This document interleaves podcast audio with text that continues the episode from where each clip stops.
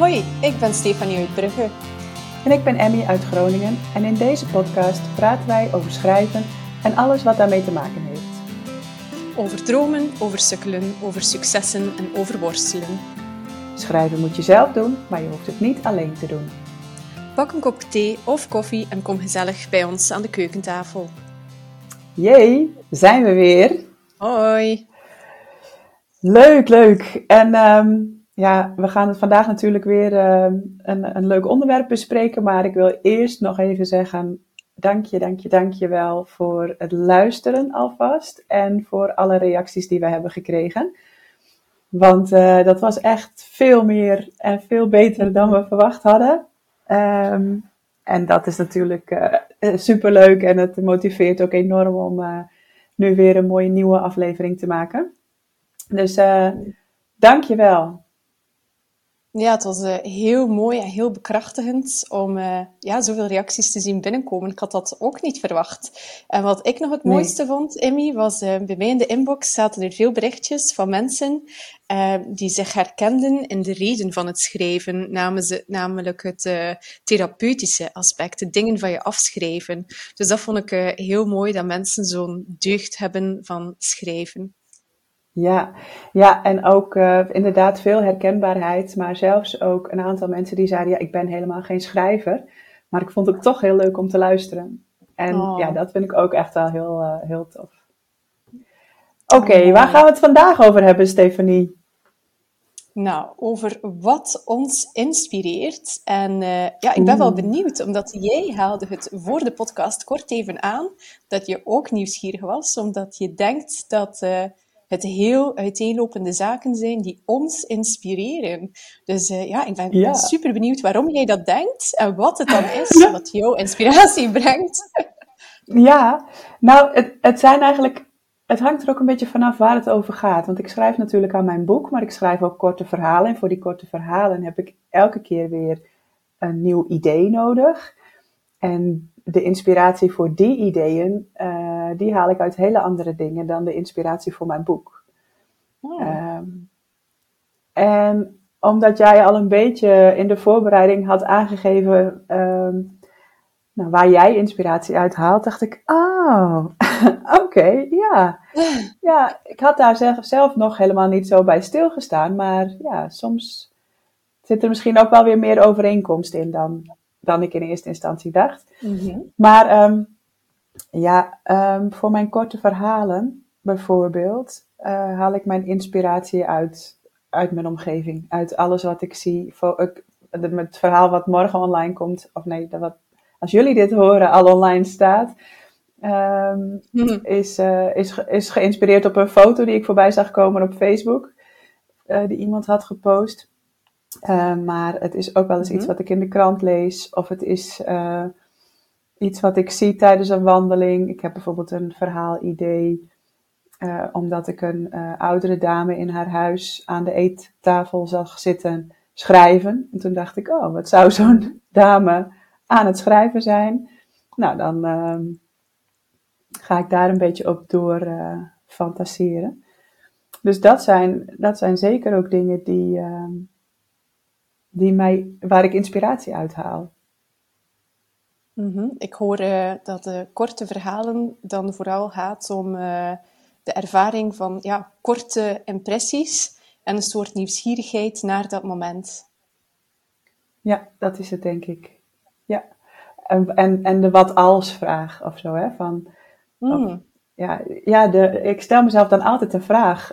Eh, die foto bijvoorbeeld, waar, waar ik um, het verhaal van oktober over geschreven heb, dan denk ik, goh, ja, wat, wat, dat is een laars op het strand. Ik denk, jeetje, hoe zou die laars daar nou gekomen zijn? Nou, daar verzin ik dan een verhaal over.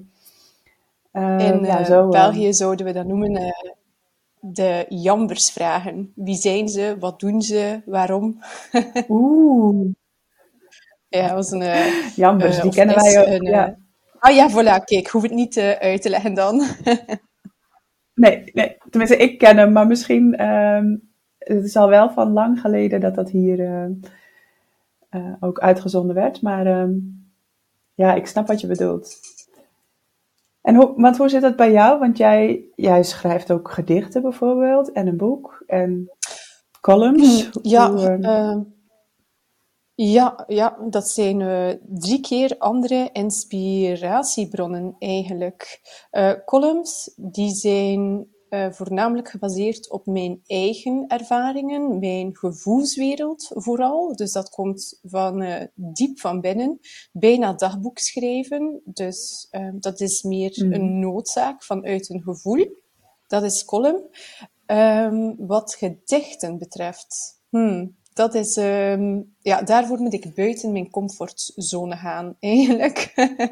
dus uh, ik volg les aan de Academie voor uh, Woord en Muziek in Tielt. Dit jaar zijn de lessen onder begeleiding van Xavier Roelens. En Xavier Roelens is een uh, Vlaams dichter. Hij heeft ook enkele gedichtenbundels uitgebracht. En um, deze week bijvoorbeeld um, heb ik een opdracht waarin ik een gedicht moet schrijven, geënt op een gedicht van uh, Jan Willem Anker. Dat is een um, ja, Nederlandse um, auteur. ja, de inspiratie daarvan ja, komt dus eigenlijk van een gedicht dat hij geschreven heeft, dat we bekeken hebben in de hmm. les. En dan lezen we dat heel technisch. Gaan we kijken, wat is het net dat daar goed aan is? Of wat inspireert? Um, is het de woordherhaling? Is het eindrijm? Is het middenrijm? Um, dus dat het rijm in het midden van een zin zit, of een alinea, of op het einde van een zin. Um, zit het in de vorm? Gedichten gaan heel vaak om... Uh, eh, een soort herhaling ook in vorm, niet alleen in klanken. En dan bedoel ik, mm ik ga het jou tonen en ik ga het proberen uitleggen. Uh, in dit gedicht bijvoorbeeld, dus ik moet iets schrijven op um, uh, Wanen van Wit. En dat, zijn, dat is een gedicht met telkens twee regels, twee zinnen. Witregel. Ja, twee zinnen, twee korte twee zinnen, zinnen ook, zie ik. Ja, absoluut. En dat kan 2-2-2-2 zijn, maar dat kan ook 4-4-4 zijn of 2-4-2-4. Die herhaling is mm. belangrijk. Um, het is en een soort ritme ook dan, volgens mij. Hè? Absoluut. Um, wat mij betreft is alles ritme, zowel in mm. poëzie als in um, proza. Ik weet niet of dat voor iedereen zo is, maar voor mij voelt dat zo aan. Um, ik denk bij poëzie dat het bijna altijd zo is. Uh, en dan ga je op basis daarvan een nieuw gedicht schrijven. Dus wat uh, Jan Willem Anker gedaan heeft in dit gedicht, is met associaties werken op het kleur wit. Um, en nu ben ik hetzelfde aan het doen uh, als een soort antwoord, maar met het kleur zwart. Um, oh. En dan probeer ik drie associaties te vinden. Dus ik heb zwart, mijn stem slaat even over. Um, ik heb zwart uh, als in schaakstukken genomen. Zwart als in um, aan het licht ontrokken. Dus het dichtslaan van een koelkastdeur. Dan is de koelkast dan licht mm. ontrokken. En dan is het ook zwart. Um, en wat had ik nog genomen? Um, ja, een soort zwart, meer abstract, als in het gevoel van depressie. Oh, dus ja. die drie zaken heb ik in één gedicht proberen samensteken het gaat niet goed komen met mijn stem vandaag, ik voel het. dus dat is de inspiratie voor... Uh, dat is de inspiratie voor gedichten, is vaak enten op een ander gedicht uh, en daarop verder gaan. Um, en dan wat um, schrijven proza, of dan de roman betreft, um, dat vond ik heel moeilijk, omdat ik denk dat schrijven niet vaak wat inspireert is, maar eerder waarom. en dat is een hmm. soort noodzakelijkheid in het schrijven.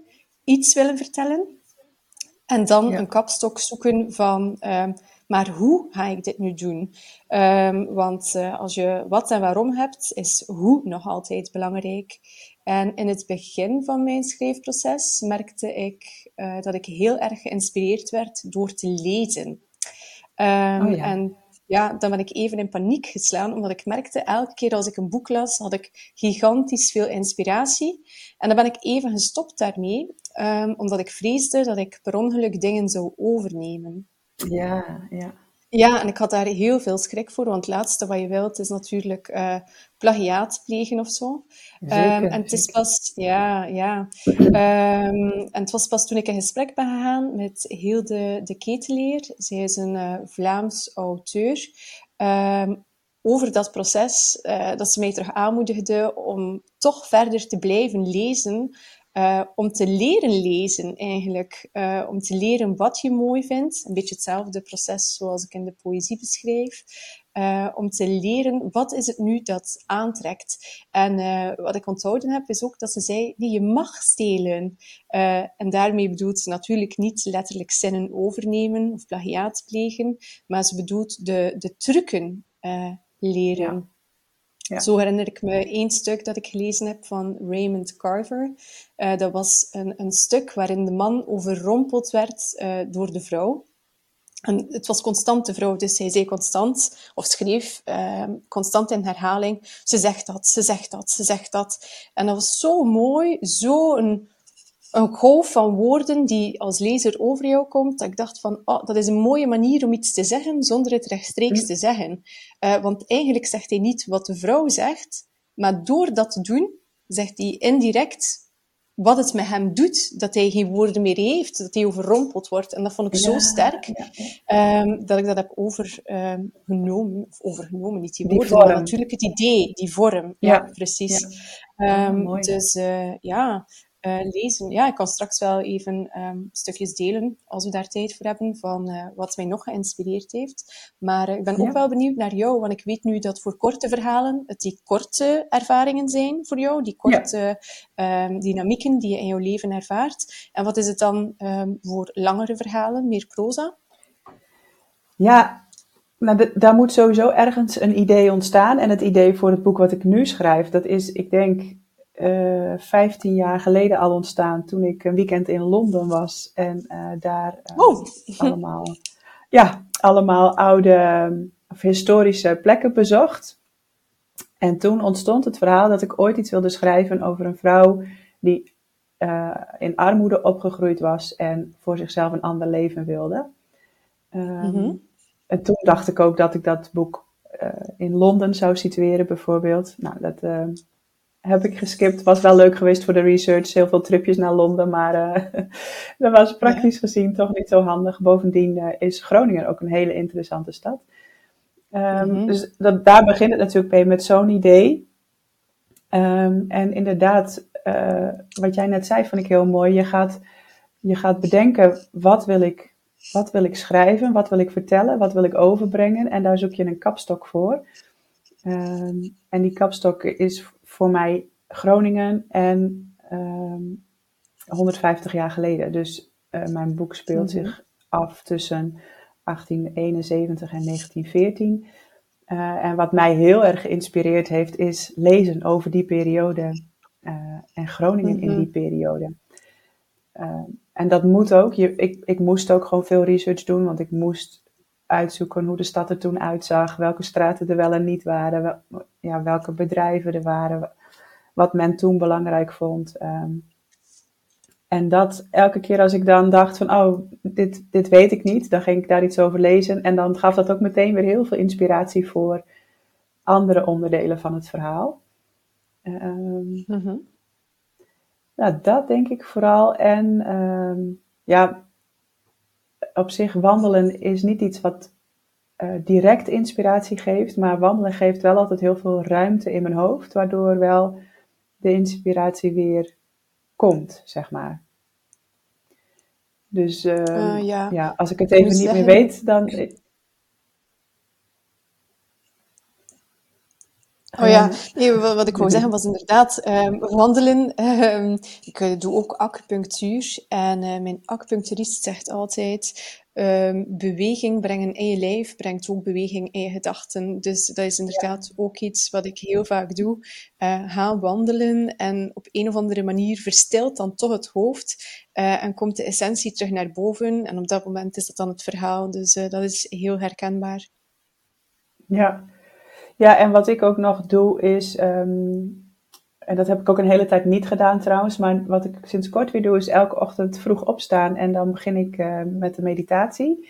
En soms uh, komt daar ook wel ineens uh, een, een idee voor het boek weer na, naar voren. Dat is ook wel niet, niet elke keer. En daar is het ook niet elke keer op gericht. En ik mediteer ook niet om ideeën voor mijn boek te, uh, krijgen. Maar ja, soms laat je je gedachten dan ook zo een beetje gaan in die meditatie. En dan, ja, dan komt er toch mhm. soms ineens een idee.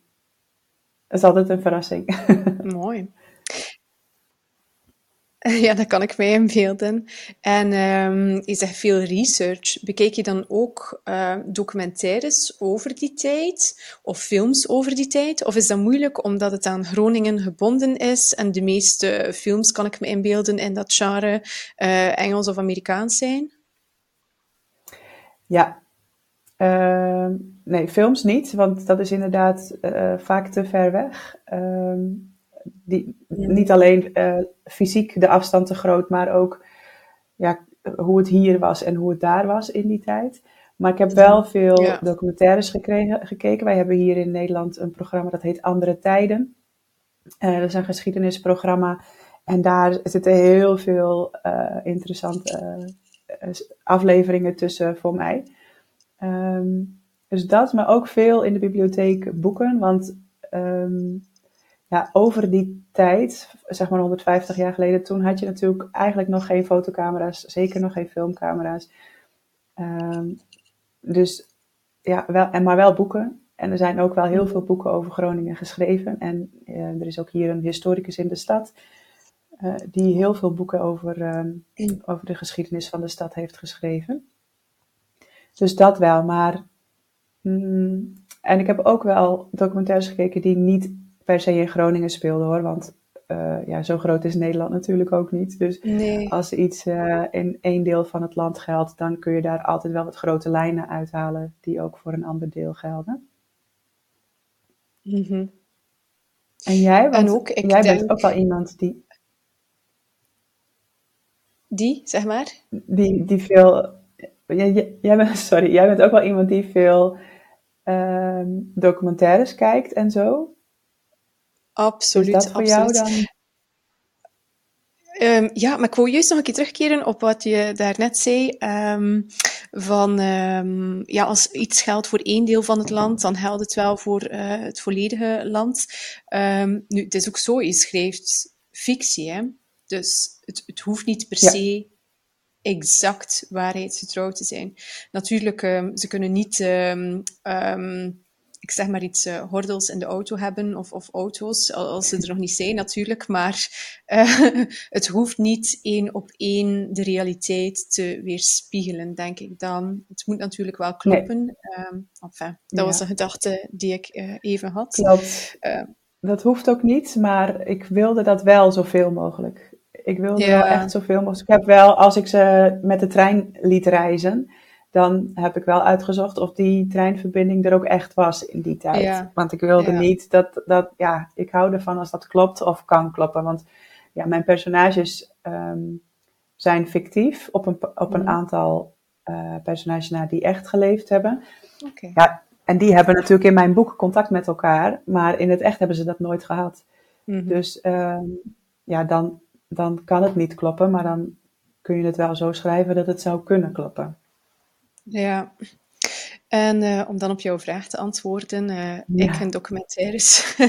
nu, voor mij is het iets uh, makkelijker om films in de thematiek van mijn boek te bekijken, omdat de grote lijnen um, zijn intergenerationeel trauma en hoe het uh, verleden het heden uh, kan beheersen of domineren. En dat zijn de grote thema's die bijna in elke film terugkomen natuurlijk. Um, dus ik heb ja. zeker um, wat, wat dingen bekeken ook gewoon omdat ik graag uh, series en documentaires keek. Uh, eentje die ik heel tof vond was Made bijvoorbeeld uh, op Netflix. En dat gaat inderdaad over um, een gezin um, ja, waar intergenerationeel trauma heel sterk aanwezig is. Waar de, het is vanuit de dochter gefilmd, uh, die terugkijkt op toen zij kind was met haar moeder. Die moeder zat in een uh, gewelddadige relatie. En dan uiteindelijk, um, nu zij volwassen is, uh, zit zij ook in zo'n relatie. Dus die film gaat ook constant heen en terug die, tussen vroeger en nu. Um, dus ja, zo'n zo thematieken zijn altijd heel leuk. Um, enfin, niet leuk, maar makkelijk om, om te volgen, omdat alles daarom draait. Ik ga het zo zeggen. Um, en dan documentaires zeker ook over de thema's in mijn boek. Maar um, eigenlijk haal ik ook veel inspiratie door gewoon naar documentaires over andere schrijvers te kijken. Um, ja. Dat brengt mij in een bepaalde mood. Also, alsof ik bij het clubje hoor van de echte schrijvers, zonder dat ik erbij hoor. ja. Um, en zo ontdek ik ook wel al eens wat. Um, wat ik eh, fantastisch vond, was um, The Center Will Not Hold van Joan Didion, een weergaloos Amerikaanse schrijfster. Ik ben ook helemaal verliefd op haar geworden. Uh, ze is vorig jaar overleden. Um, schreef um, essays um, over de ja, Amerikaanse cultuur, de uh, fragmentatie van de Amerikaanse cultuur en van het individu. en ze heeft een zeer kille stijl van schrijven. Een beschouwende stijl van op een afstand een beetje, alsof ze niet zelf in het verhaal zit. En toch zit ze erin. En ik, ik vind dat zeer mysterieus, uh, zeer fascinerend. Um, ja, gewoon heel knap wat zij in haar carrière neergezet heeft. Uh, ik denk dat jij die documentaire ook zag. Ik weet niet wat jij ervan vond.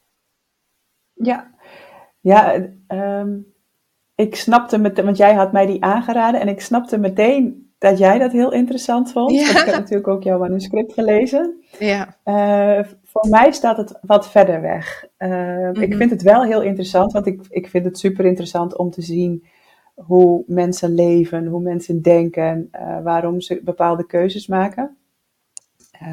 Mm maar het, het ligt zo ver af van mijn schrijfstijl, zeg maar, dat dat, dat voor mij niet in die zin inspirerend is. Of ja, het is ook weer eigenlijk niet helemaal waar, want ook juist omdat het zo ver weg ligt, is het wel inspirerend, omdat ik mhm. er toch over na ga denken van, hé, hey, wat, wat kan ik hiermee? Ja. ja, ook wat je niet hebt, vormt je. Zeker. Ja, Juist. Ja. Mhm, mhm. Ja. En uh, dan een andere topper waar ik dacht dat jij wel van, van was, uh, was... Uh, Fran. Ja, Pretend ja. It's a City. ja. Zij is... Fran Lebowitz. Ja, zij is... Ik vind ook zij staat qua hoe zij in het leven staat en hoe zij haar leven leeft heel ver af van hoe ik dat doe. Maar ik vind haar echt zo grappig en zo scherp en zo.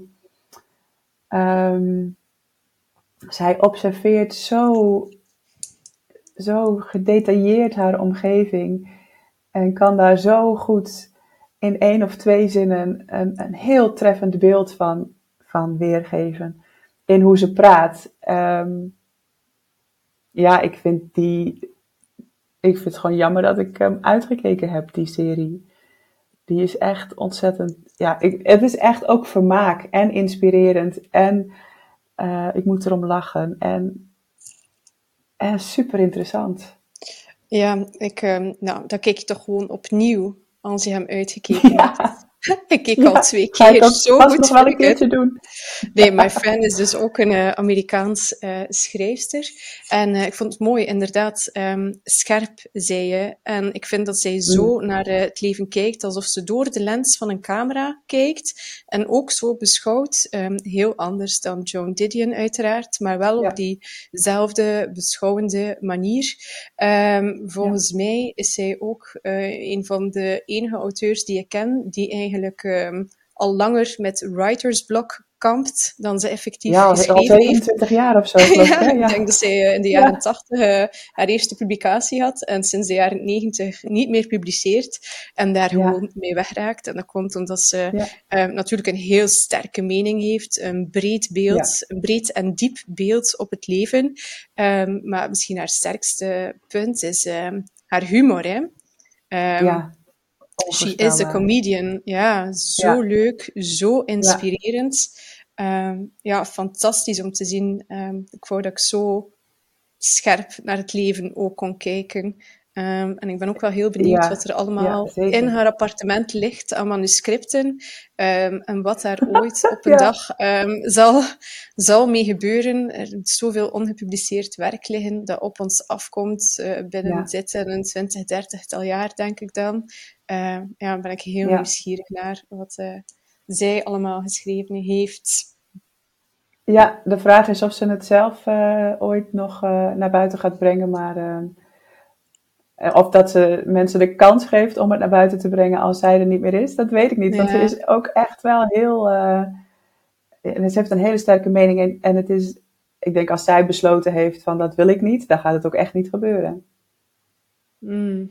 Ja, ik, ik, hoop dat ze het uh, omgekeerde ja. besliste en uh, pas na haar dood uh, gaat publiceren. The other way around. Ja. Dat klinkt dan wel heel erg friend, moet ik zeggen. dan, ik weet niet of jij... Ja. Zag je trouwens Barbaric Genius van John Healy, ook op Netflix? Nee, die heb ik nog niet gekeken. Nee, ik weet wel dat jij hem heel goed vond. Maar het is, het is een wat duister verhaal. En dat vind ik altijd, daar hik ik altijd een beetje tegenaan. Oh ja. ja, zijn verhaal is zeker duister, maar wat ik fantastisch vond is, um, dus Barbaric Genius gaat over um, het leven van John Healy. En John Healy is, Emmy, net zoals jij en ik, totaal niet uh, literair geschoold. Is iemand die hmm. geen um, opleiding daarin had, uh, meer zelfs geen opleiding, uh, dakloos, alcoholverslaafd, woonde um, uh, in Londen, ook in de jaren zeventig. Heel veel dakloosheid, heel veel werkloosheid. En um, ja, ik kom in de gevangenis terecht voor een diefstal. En daar uh, leert hij schaken. Hij blijkt een uh, grandioos schaker te zijn, wereldformaat, een genius, um, ongelooflijk. En um, als hij uit de gevangenis komt, beslist hij zonder enige academische scholing om een boek te gaan schrijven over zijn ervaringen. Um, dus hij doet dat. Hij schrijft het manuscript van A tot Z, levert het af bij een uitgeverij en dat manuscript is nagenoeg perfect.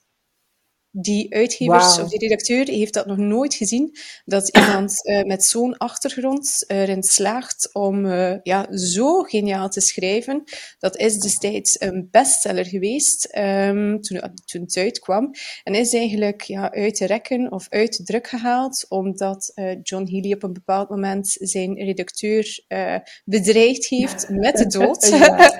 het barbaarste zat er nog in, vandaar Barbaric Genius. Um, ja. Maar um, ja, John Healy leeft trouwens nog. Um, maar wat ik zo mooi vind aan dit verhaal is dat het om dromen gaat en om inspireren. En dat uh, het bewijst dat je niet per se die hele academische opleiding moet gehad hebben om iets te kunnen mm. schrijven, om te publiceren. Dat uh, talent of aanleg uh, er soms al zit en dat uh, met ja. een duwtje of de juiste richting dat wel kan. Um, dus als je zegt van ik hou niet van duistere verhalen, um, ik kan daarin volgen, maar het verhaal gaat om zoveel meer om ja, dromen ja. navolgen, dingen manifesteren, realiseren. Dus zoiets inspireert mij ook van, ja, ja, kom aan, kom aan, ja. doorzetten, Stefanie. Um, dus ja, ja, precies. Dus dat is dan niet inspirerend voor de inhoud van je verhaal, maar voor um, ja, om door te zetten en om vol te houden. En om, ja. ja. Mooi. Oké, okay, ik zit even uh, naar de klok te kijken. En wij hebben afgesproken dat we elke aflevering ongeveer een half uurtje laten duren. En wij hebben ja. alweer bijna een half uur gekletst. Ik weet niet hoe we het doen, want ik denk elke keer, oh jee, gaan we hier wel zo lang over kunnen kletsen. En voordat ik het weet, is het half uur dan weer voorbij. Um, is er nog iets wat jij nog kwijt wil over inspiratie? Nee, ik denk dat we de, de hoofdzaken uh, aangekaart hebben. En zoals je zei, time flies when you're having fun. Dus dat ja, is vandaag weer het geval. Zo is het. Ja, precies. Nou, we vinden het natuurlijk ook heel leuk dat jij geluisterd hebt. Als je onze podcast leuk vindt, kun je ons helpen door een review te schrijven. Dat kan op Apple Podcast of een beoordeling te geven. Vijf sterren of zo. Ken je iemand die het leuk vindt om ook bij ons aan de keukentafel te komen zitten? Deel dan gerust de podcast. Zo help je ons ook, want dan komen we hoger in de ranking en kunnen meer mensen ons vinden. Heb je vragen of is er een onderwerp waar jij onze mening of ervaringen over wilt horen? Laat het dan gerust weten. Je kan ons vinden op Instagram, at underscore Insta en at Emmy de Vries. Yay! Tot de volgende! Tot Doei! Doei!